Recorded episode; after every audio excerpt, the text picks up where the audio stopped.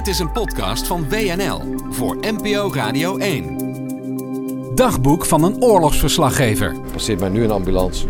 Mannen met gasmaskers, in witte pakken, blauwe handschoenen aan. Hans-Jaap Melissen in Oekraïne. Ik ben wakker geworden. Het is eh, begin van de nacht. Luchtalarm ging en ik hoor explosies. Net voordat ik dit ding aan heb gezet. Niet heel dichtbij, maar het is denk ik wel gewoon in de stad. Maar dan aan de rand van de stad. Zaporizhia. Ik zie meer mensen op balkons verschijnen. Ja, wat vaak wordt afgeschoten richting uh, zijn S-300 raketten. Luchtafweer eigenlijk. En de Russen schieten dat dan uh, niet zozeer hoog de lucht in, maar wat meer horizontaal. En daardoor worden vaak gebouwen geraakt die uh, wat hoger zijn en aan de rand van wat open gebied. Die daarmee eigenlijk de rest van de stad beschermen. Nou, ik zie nog meer mensen op het balkon verschijnen. Een beetje gezellig kletsen. Sommige mensen gaan weer naar binnen. De eeuwige twijfel. Je kunt nog even denken, waar moet ik naar de kelder? Nou, eigenlijk wil je gewoon slapen. Ik ben maar een passant die hier, uh, nou ja, dit is mijn negende trip naar Oekraïne, die maar af en toe voorbij komt. Maar ik kan me voorstellen dat als je hier woont, dat dit uh, op je zenuwen gaat werken. De ene kant onverschilligheid. Hè? Mensen gaan niet meer naar de schuilkelder. Maar ik denk vooral s'nachts. Als je er wakker van wordt. En er komen ook echt klappen binnen. Want overdag is het uh, luchtalarm vaak gegaan. Maar dan gebeurt er vervolgens niks. Nou, is een passerende auto. Ja, als je dan wel het luchtalarm hoort en er zijn explosies. Dat je gaat twijfelen aan uh, wat je hier doet. Ik weet ook wel van uh, bekenden in Kiev dat die onder hoge stress leven. Die ogenschijnlijk uh, normaal bijzitten als je ze spreekt. Maar dan vertellen over hoe de nachten zijn. Wat de zorgen zijn. Dat dit nu al anderhalf jaar zo is. En blijft ook nog wel, ik, het bijzondere van deze oorlog vind ik nog wel, uh, dat ik het zelf heel erg bijzonder blijf vinden. Ik heb wel eens plekken op deze aarde waar ik verslag doe, uh, waar je eigenlijk een beetje gaat wennen. Denk je, ah, weer gedoe en vul maar een paar landen in. En eigenlijk mag dat misschien ook niet, dat je dat gaat denken, dat je daaraan gaat wennen. Maar deze oorlog, hier zo in Europa in 2023 ook op zo'n ouderwetse manier gevoerd, ook hè, met loopgraven.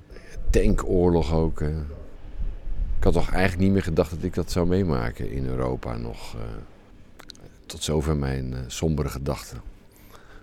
In het midden van de nacht in Zaporizhia. En ik moet eigenlijk vroeg op. Nee, ik ga slapen. Mijn dag begint bij een rampenoefening waar nagedaan wordt dat de kerncentrale inderdaad ontploft is. De kerncentrale buiten Zaporizhia, die in handen is van de Russen.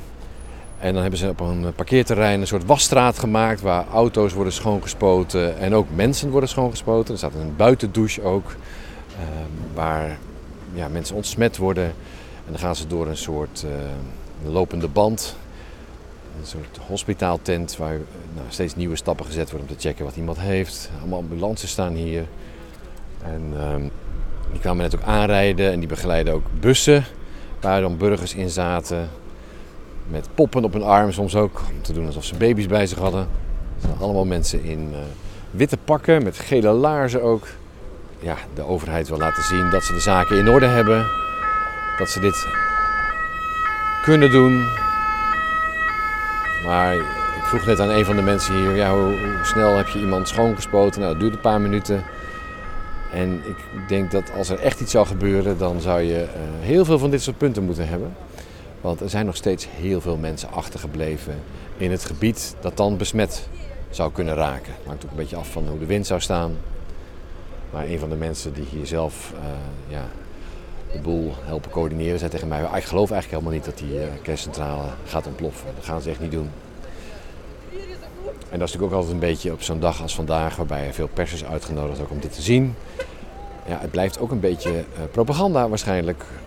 Uh, je wil altijd in de oorlog je vijand uh, zo erg mogelijk afschilderen. En die vijand heeft natuurlijk ook hele erge dingen hier gedaan. De, de, dam hier verderop is opgeblazen, naar alle waarschijnlijkheid door de Russen. Dus. En ja, waarom zou niet ook die volgende stap gezet kunnen worden? Maar niemand die het weet. En zolang dat uh, onbekend is, ja, moet je er natuurlijk inderdaad wel op voorbereiden.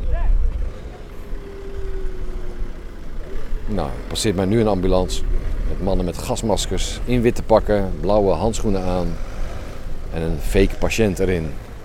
En mensen in de organisatie hebben nog tegen mij gezegd dat ze voorzichtig zijn met van tevoren vrijgeven waar deze oefening nou precies plaatsvindt. Omdat ze bang zijn dat de Russen dat dan een, mooie gelegenheid vinden om die plek dan te bombarderen. Laten hopen dat dat niet gebeurt. Op dit moment uh, is het stil. En is het laatste luchtalarm hier in Zaporizhia van uh, enkele uren geleden.